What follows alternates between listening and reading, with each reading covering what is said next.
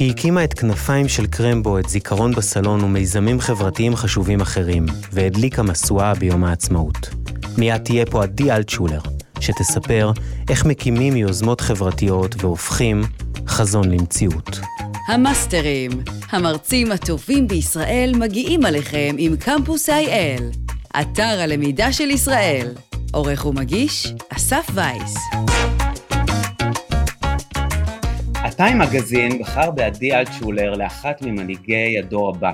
זה קרה כשהיא הייתה בת 28, גיל שבו רובנו, אפשר לנחש, עוד לא יודעים בכלל מה זה הטיים מגזין. ערב טוב, עדי. ערב טוב, אסף, מה נשמע? מעולה. אז האמת היא שקראתי השבוע את הרעיון ההוא, ואחת השאלות ששאלו אותך, אז אני לא יודע אם את זוכרת, היא איפה את רואה את עצמך בעוד עשור?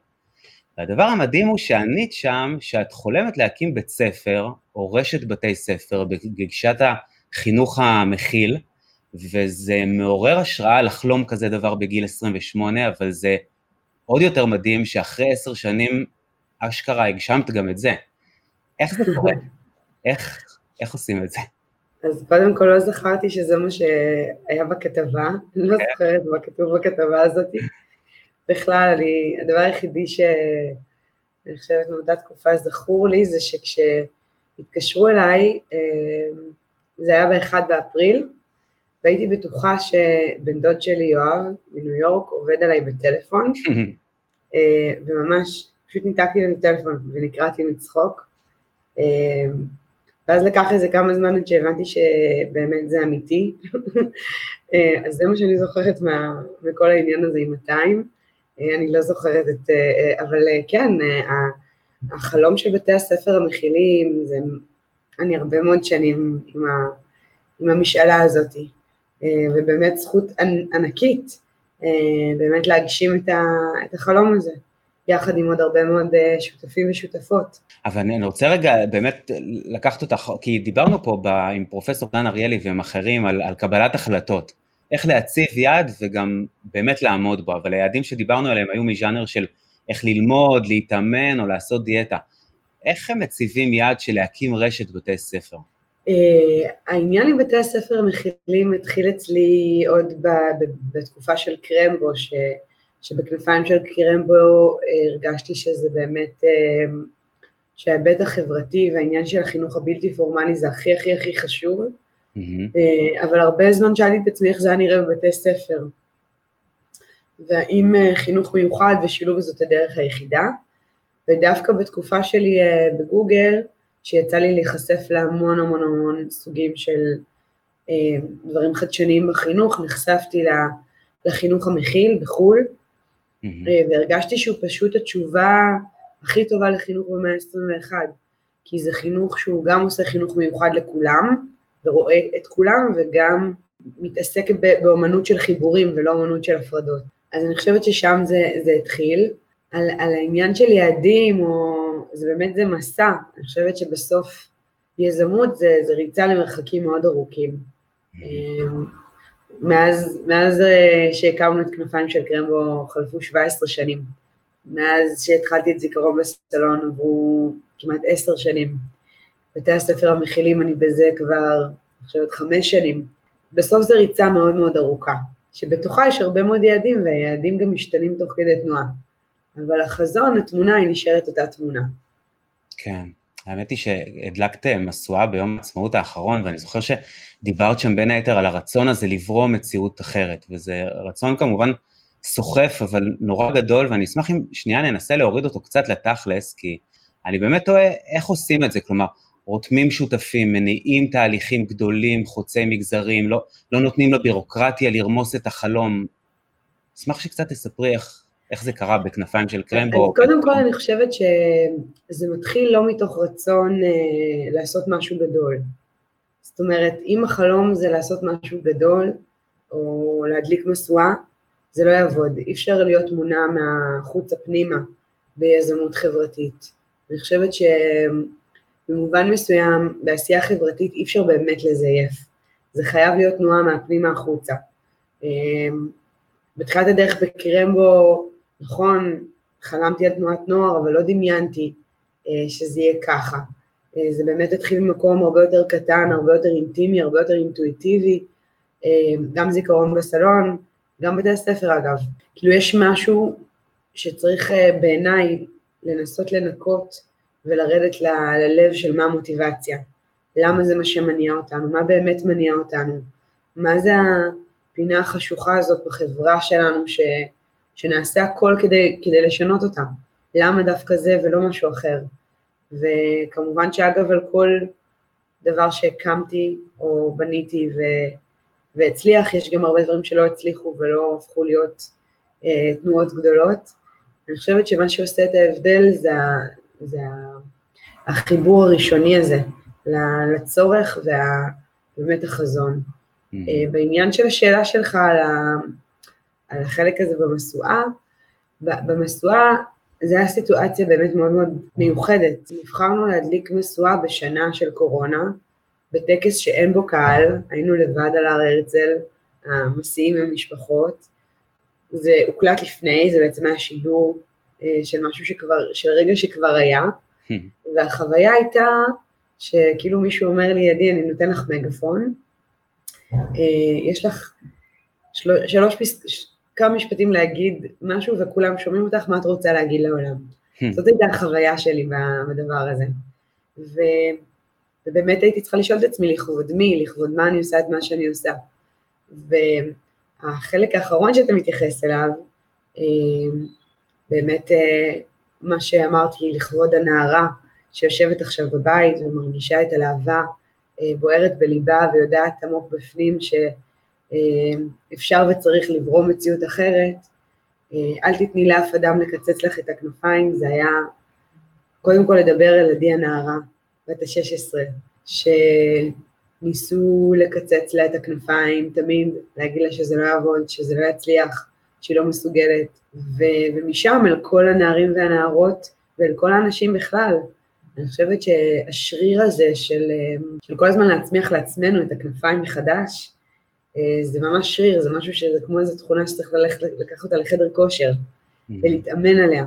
כי באמת אין סוף, אגב כמעט כל יום, גם עכשיו אנחנו פותחים עוד שמונה בתי ספר מכילים, כמות ההתנגדויות, הקולות, אה, זה אינסופי. Mm-hmm. ואני חושבת שהעניין הוא בעיקר ההתמדה, פשוט להמשיך, להמשיך, להמשיך, לא משנה מה, להמשיך. להמשיך, להמשיך.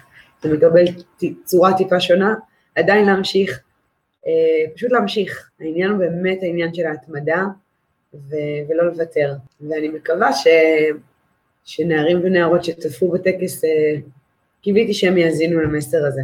כי אני חושבת שבסוף שם נמצא הכוח, בבני הנוער, באנשים ש- שעוד לא התקלקלו, שלא איבדו את התמימות, את הדמיון, שעוד לא הפכו למקצועיים ומקצוענים ועוד לא מבינים פוליטיקות ו, ויש באמת את הכוונה הנקייה.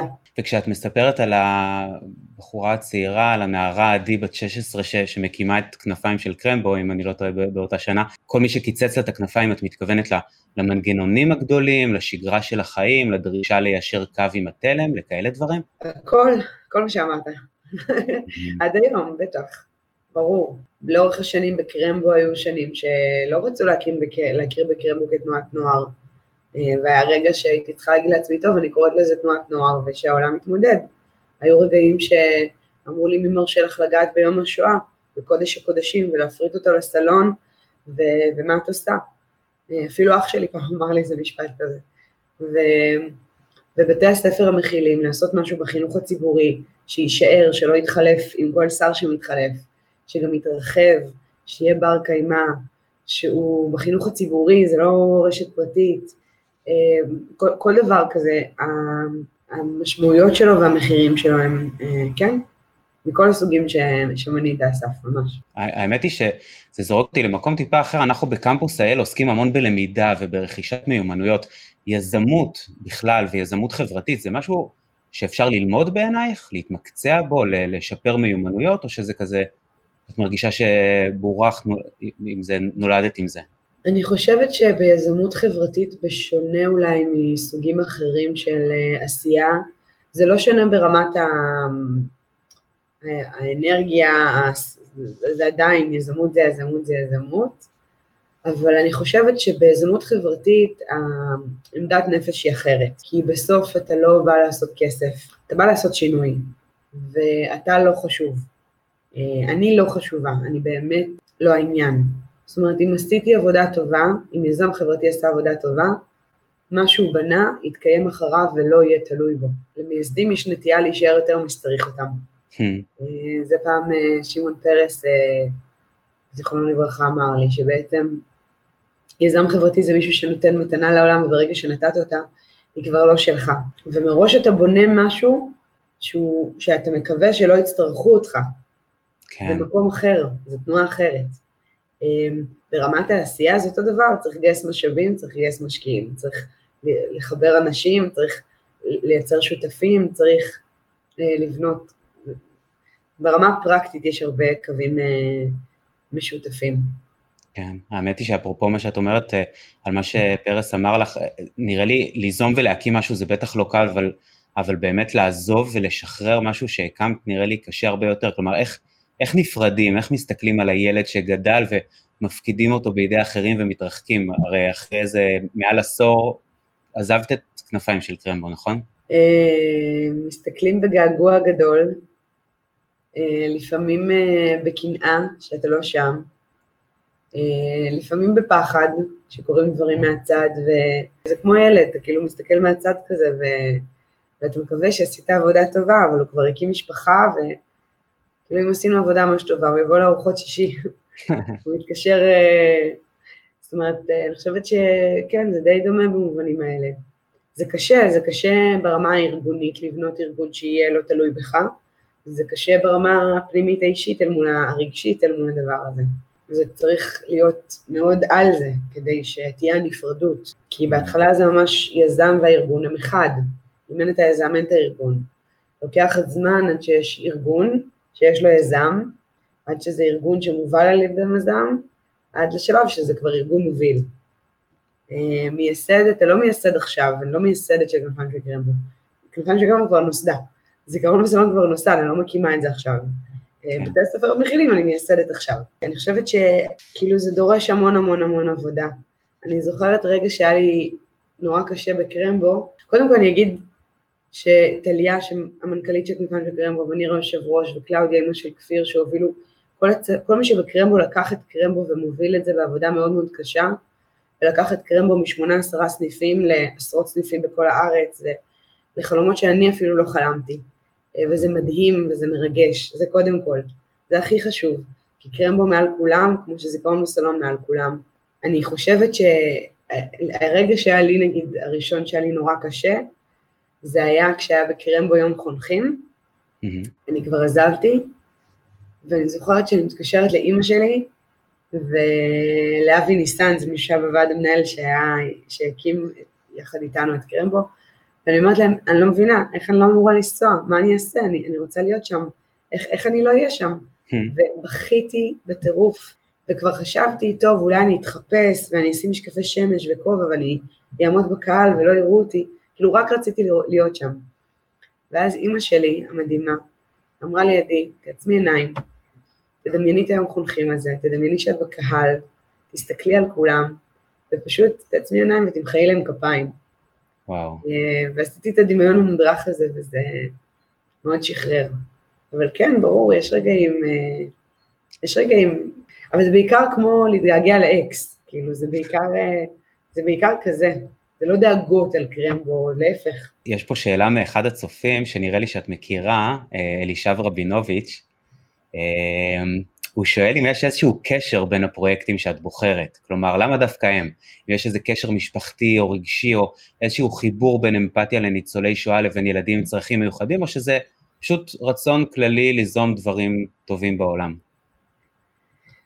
אה, אז ערב טוב אלישב.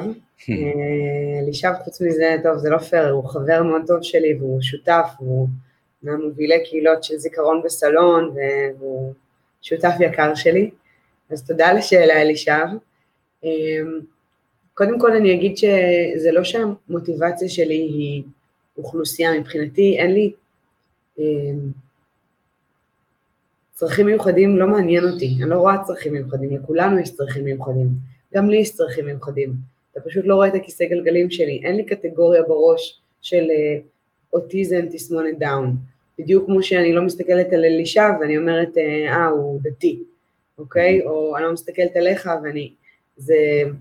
אני חושבת שזה עבודה של הכלה, להתנקות מהדברים האלה ולהסתכל במשקפיים על העולם, שבאמת כולם מיוחדים, זה עוד משהו שניסיתי להגיד במשואה, וכולם שותפים וכולם חלק, אז אין לי כאילו, זה לא שאני עכשיו במשימה על צרכים מיוחדים במובן של חינוך מיוחד, מבחינתי כולם מיוחדים. אה, אני חושבת שיש לי תשוקה מאוד גדולה לתנועות שקמות מלמטה, אה, והן מובלות על ידי הרחוב, על ידי אנשים, mm-hmm. שהן לא קמות, אני, שם המשפחה שלי אלטשולר ואין לי קשר אלטשולר שחם, כאילו בלי משאבים, בלי, זה פשוט יצירה משותפת של מלא מלא אנשים. אני חושבת שהמשותף לזיכרון בסלון ולכנפיים של קרמבו, זה ששניהם זה יצירה משותפת, זאת אומרת, זיכרון בסלון, ואלישע יודע את זה אפילו יותר טוב ממני, זה חוכמה של הרבה מאוד סלונים שיצרו את היצירה המשותפת הזאת שקוראים לה זיכרון בסלון. זה מיליון וחצי מארחים ומתארחים ש, שבונים סיפור משותף. אה, זה לא אני אמרתי ככה ייראה, אה, לא יודעת מה. מכל סלון נוצרה איזו תורה שהעתיקה את עצמה והפיצה את עצמה לסלונים אחרים.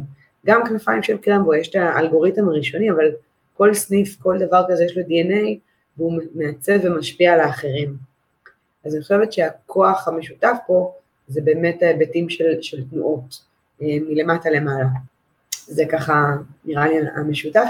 ו, ו, ועוד דבר משותף, אני חושבת שזיכרון בסלון או זיכרון השואה, התפקיד של הזיכרון זה לא העבר, זה העתיד. אה, זה איך אנחנו נהיים אנשים יותר טובים היום. אה, גם כנפיים של קרמו בעיניי זה אותו דבר. זה איך בונים פה דור אחר, חברה אחרת. אה, זה, נראה לי המשותף. אני אשמח אם לשמוע מה דעתך, איך, איך מיזם כזה, איך מסורת כזו שהקמת יכול להתקיים במציאות של ריחוק חברתי שבעצם לא מאפשר, לפחות כרגע, מפגש אנושי פיזי. לגבי הקורונה, אה, קודם כל, ברמה הכי שטוחה, המספרים נקרא לזה של זיכרון וסלון בקורונה היו בדיוק המספרים שהיו אה, לפני הקורונה, זאת אומרת גם השנה היה מיליון וחצי אנשים שהשתתפו בזומים, אירחו והתארחו, אה, ובאמת חברת זום גם עזרה לנו כי הגענו באמת לאלפים של זומים כבר, והם פשוט נתנו לנו אה, ביום הזה, בשבוע הזה, והיו גם סלונים בחיק המשפחה, יותר סלונים בקפסולות, אני אגיד שבמובן מסוים זה אה, הקורונה, זה לא רק הריחוק, זה גם כמובן שורדי השואה שלא יכולים להגיע פיזית. היה לנו פחות מ-300 ניצולי שואה שהתארחו בזום, אבל אני אגיד מה, מה קרה, מה שקרה זה שבגלל שהיה פחות מ-300 ניצולי שואה שיכלו להתארח, אז רוב הסלונים היו עם דור שני, דור שלישי, דור רביעי, עדויות מוקלטות, וכאילו זה עשה חינוך שוק במרכאות, לצרוך את הזיכרון או את זיכרון השואה, אה, והטוב של זה היה שהזדמנות הייתה להראות שאסור שזיכרון השואה יהיה תלוי בנוכחות הפיזית של, של הניצולים. Mm. ברור שזה לא אותו הדבר, זה לא הבן אדם שמנגן בגיטרה והוויכוח הסוער על הזכויות והחובות היום, וזה לא הסיפור הזה שמסופר אה, ככה שאפשר להריח ולהתחבק ולהרגיש, אבל זה גם משהו. והוא אפשר גם דברים אחרים ומאוד מאוד מיוחדים, אה, כמו למשל סלונים בינלאומיים מכל מיני מקומות. אה, כל מיני אנשים שלא יכלו להגיע פיזית לסלון והתחברו מרחוק. היו גם הרבה הזדמנויות. אה, והשנה אני חושבת שזה היה כמו בית השנה שעברה, כאילו בשנה שעברה זה היה שנה. ועכשיו אני חושבת שאנחנו כבר נבוא קצת יותר מוכנים. כן, האמת היא שקופץ לי הראש אם אנחנו כבר מדברים על מושג הזיכרון, הרי היום היה יום הזיכרון ליצחק רבין ז"ל, ויש לך מחשבות בהקשר הזה, איך לשמר זיכרון לאורך זמן, איך לייצר מסורת קולקטיבית של התייחדות עם אתוס משותף, לאו דווקא סביב יום השואה באמת? אה, זו שאלה ממש מדהימה, האמת שחשבתי ככה מתי נתייחס אה, באמת אה, ליום הזיכרון ליצחק רבין, ואני ממש שמחה שהעלית את זה, תודה.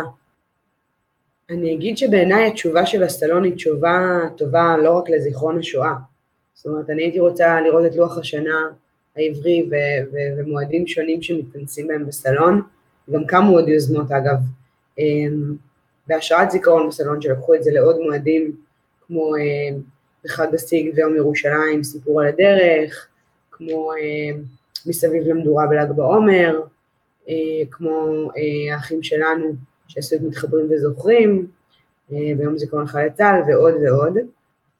זו שאלה, אני היום הזה הוא תפס אותי באמת בהיבט של הזיכרון בשתי רמות, אחד ברמת הזיכרון, האינפורמציה, הידע של מה היה, זה נכון גם על השואה, אבל אני מוצאת יותר ויותר, כולנו רואים את זה, גדל, גדלים פה דורות, דורות שלא יודעים את, ה, את הידע, אין להם את הידע, האינפורמציה, על מי היה יצחק רבין, על מה קרה בתקופה הזאת, על מה היה באירוע עצמו, שזה level אחד של אה, זיכרון. level שני זה ה-level הערכי, זה המשמעויות של זה, זה מה, מה הציווי, מה האחריות אה, שהאירוע ומה שקרה לוקח אותנו, וגם שם יש לי דאגות. אה, והתשובה היא כמובן חינוך. אני חושבת mm-hmm. שזיכרון בסלון זה כלי מצוין להנגיש זיכרון, ואולי יום אחד נמצא את עצמנו גם ביום זיכרון אחד לרבין, מתכנסים בסלונים. Mm. אה, אולי זה איזה מיזם שעכשיו נולד מתוך המפגש שלנו כאן אה, בקמפוס אייל. אה, לא יודעת, אבל זו שאלה טובה. כן. מעניין, האמת היא שאני חושב גם בהקשר הזה, דיברנו קצת על הקורונה, שמעתי פעם אותך אומרת שהמניע המרכזי שלך להקים את כנפיים של קרמבו היה הבדידות של, של בעלי צרכים מיוחדים כמובן, ואני אשמח אם רגע נתעכב על הבדידות הזו, כי כמובן שזה לא אותו דבר עכשיו, אבל בקורונה פתאום קפצה על כולנו הבדידות, על, על ההורים שלנו שפתאום בחגים נמצאים לבד, או על הילדים שפתאום הרבה פחות באים במגע עם קבוצת השווים שלהם ועם מסגרת שייכות, והזכרת מקודם גם את אלישע ואת הקהילות של זיכרון בסלון, מה, מה לדעתך התקופה הזו עושה לקהילה, לשייכות, למסגרות עם אינטימיות אה, בין אישית? אה, אני חושבת כמו הרבה דברים בקורונה, אה, הכל עולה על פני השטח. הטוב, הרע, כל המובלעות, אין, אין, הכל, הכל למעלה, הכל יוצא. לטוב ולרע, עכשיו השאלה מה עושים עם זה. אז אני חושבת שמי שהוא חלק מקהילה, הוא מאוד מרגיש את הערך של זה. מי שאין לו קהילה, הוא נורא רוצה את הדבר הזה. נורא צמא לזה. אני, אני באמת חושבת שקהילות זה כמעט התשובה היחידה, אה, הטובה באמת. אה, בעניין של הבדידות בתקופה הזאת, כן, זה, זה מעניין, זו סיטואציה מאוד מאוד כואבת. אני בעיקר, בעיקר כל הזמן חושבת מה, מה אפשר לעשות, איך אנחנו, אפילו בלי להקים ארגונים גדולים, אם אנחנו יכולים בבוקר, בערב, לעצום דקה עיניים, לראות מי עולה לנו לראש, שכן, שכנה, מישהו מחו"ל, קרוב משפחה רחוק, חבר, חברה מהעבר, לשלוח איזה הודעה, להרים טלפון, אה, לשאול מה נשמע, אני חושבת שהמחוות הקטנות בתקופה הזאת, של לראות אנשים באמת, של להזכיר לאנשים שאנחנו זוכרים אותם, שאנחנו חושבים עליהם, שהם בלב שלנו, זה מתנה מאוד מאוד גדולה שאנחנו יכולים לתת. ו... ואני מאוד מאוד אה, הייתי רוצה שה... שהתקופה הזאת של. באמת, כמו שאתה אומר, שבדידות כל כך נוכחת, תדחוף אותנו לראות אחד את השנייה, גם לבקש עזרה אגב, גם להגיד לי קשה, אבל, אבל באמת לראות אנשים אחרים. Uh, הייתי מאוד רוצה שזה ייקח אותנו לשם. כן. אני אופטימית. לגמרי. יש פה שאלה ש, שחוזרת על עצמה, גם אבישי פרידלר אה, שואל, שהוא גם מצוות קמפוס האל, מה המיזם הבא שלך, אם את יכולה לספר על זה, אה, ומתחבר לזה במובנים מסוימים טליה קולודני, אה, ששואלת אה, איך את בוראת את החלום הבא, איך את יוצרת את המיזם הבא. יש איזשהו משהו בתנור שאת יכולה לספר עליו? אני אף פעם לא חושבת מה יהיה הדבר הבא, אין לי מחשבה מה אני רוצה להיות שאני אהיה גדולה. אני באמת, אה, מאוד חשוב לי לא להיות מונעת מהחוצה פנימה כדי שיהיה סיפור הבא או דבר הבא. זה יכול להגיע, זה יכול לא להגיע, מבחינתי זה כמו יצירה. וגם אני אגיד שכמו שאמרתי, זה ריצה למרחקים ארוכים. כאילו, אם אתם שואלים אותי עכשיו, אנחנו פותחים עוד שמונה בתי ספר מכילים, שנה הבאה נפתח, אה, אני מקווה, עוד שמונה. וגם כשפתחנו בית ספר, זה לא שפתחת וזהו, זה המון המון שנים של עבודה, אה, לבסס, ליצור DNA, לבנות ארגונים, לתמוך אותם. אה, זה לא שעכשיו הקמת וזהו וזה קרה. כמו שאמרתי, זה המון המון המון שנים של עבודה. אז אחד, אני במכילים, וזה כל מה שאני עושה, וזה כרגע כל מה שאני רואה, ואני מאמינה בשנים הקרובות, אה, בעיקר האנרגיה שלי תהיה שם. במקביל לזיכרון בסלון קצת, לבוא לעשות מילואים, אה, אבל אחר כך, עוד כמה שנים, לא יודעת, אולי כן, אולי לא, אולי זה כל מה שאני אעשה עד סוף ימיי, אולי יהיו לי עוד 7,000, לא יודעת. כן. טוב, אם מדברים על העתיד, זה הכי עיתונאי מצידי, אבל איך אפשר בלי, יש לך מחשבות על כניסה לפוליטיקה? לא. לא. חד משמעית. חד משמעית. המאסטר הקודם שהתארח פה חשף בפנינו כוונות כאלה וגם סימן יעד של אה, שר החינוך, אז... אה, מי זה היה? אה, דוקטור שמעון אזולאי. אה, קודם כל שמעון הוא חבר ממש טוב שלי, ואני אשמח אם שמעון ילך לפוליטיקה. גם הבנתי שהרב בני היה פה, כן. גם בני הוא חבר מאוד מאוד מאוד קרוב שלי, ואני גם אשמח שהוא ילך. בגדול, יש הרבה אנשים שלי. אני, אה, לי אין, אין, אה, אין אספירציות פוליטיות. אה. עולה לי שאלה בהקשר, אנחנו תחת ישראל דיגיטלית, ופתאום אני חושב על זה שכל המיזמים האלה שהקמתי, יש עוד משהו ייחודי ומעניין, הם כולם חדשניים והם כולם יצירתיים, אבל אין בהם טיפה טכנולוגיה. אה, ויש איזושהי הנחה שחדשנות שווה טכנולוגיה. הנחה מוטעת בעיניי, כי טכנולוגיה היא הרי כלי שאפשר לעשות איתה דברים נהדרים או איומים, ויכולה לקדם חדשנות ויכולה לחילופין דווקא לעכב את זה. יצא לך לחשוב על זה שאת יזמת בכל נשמתך, אבל היזמות שלך היא יצירתית וחדשנית ומחברת כל מיני דברים נטו, אבל היא לא, לא טכנולוגית? לא, לא חשבתי על זה אף פעם. אני חושבת ש... ההלחמה של שני דברים לדבר חדש, זאת נראה לי חדשנות. זאת אומרת, תנועות נוער היו קיימות לפני כנפיים של קרמבו, מפגשים בסלון היו קיימים גם לפני זיכרון בסלון, בבתי ספר קיימים תמיד. אה, אני חושבת שהעניין זה הלחמה של שני דברים לאיזה משהו חדש, אבל לא, לא חשבתי על העניין הטכנולוגי. אולי אני צריכה ללכת לשם. אה, לא. אמ, שואלת uh, חנה מורג, uh, מה המערכת הגדולה uh, יכולה ללמוד מהיוזמות שלך, מהמיזמים שלך, ובכלל אולי, את יכולה להרחיב על האינטראקציה בין יזמות של אדם פרטי, של מגזר uh, שלישי, של ארגוני חברה אזרחית, לבין המנגנונים הגדולים. אז קודם כל, אם זו חנה מורג שאני חושבת שהיא, uh, אז אני מוסרת לך את אהבתי. Uh, ולגבי uh, מה, מה המערכת יכולה ללמוד מה... תחדד לי את השאלה. מה בעצם המערכת הגדולה יכולה ללמוד מה, מהיוזמות שלך, מהיזמיות שלך?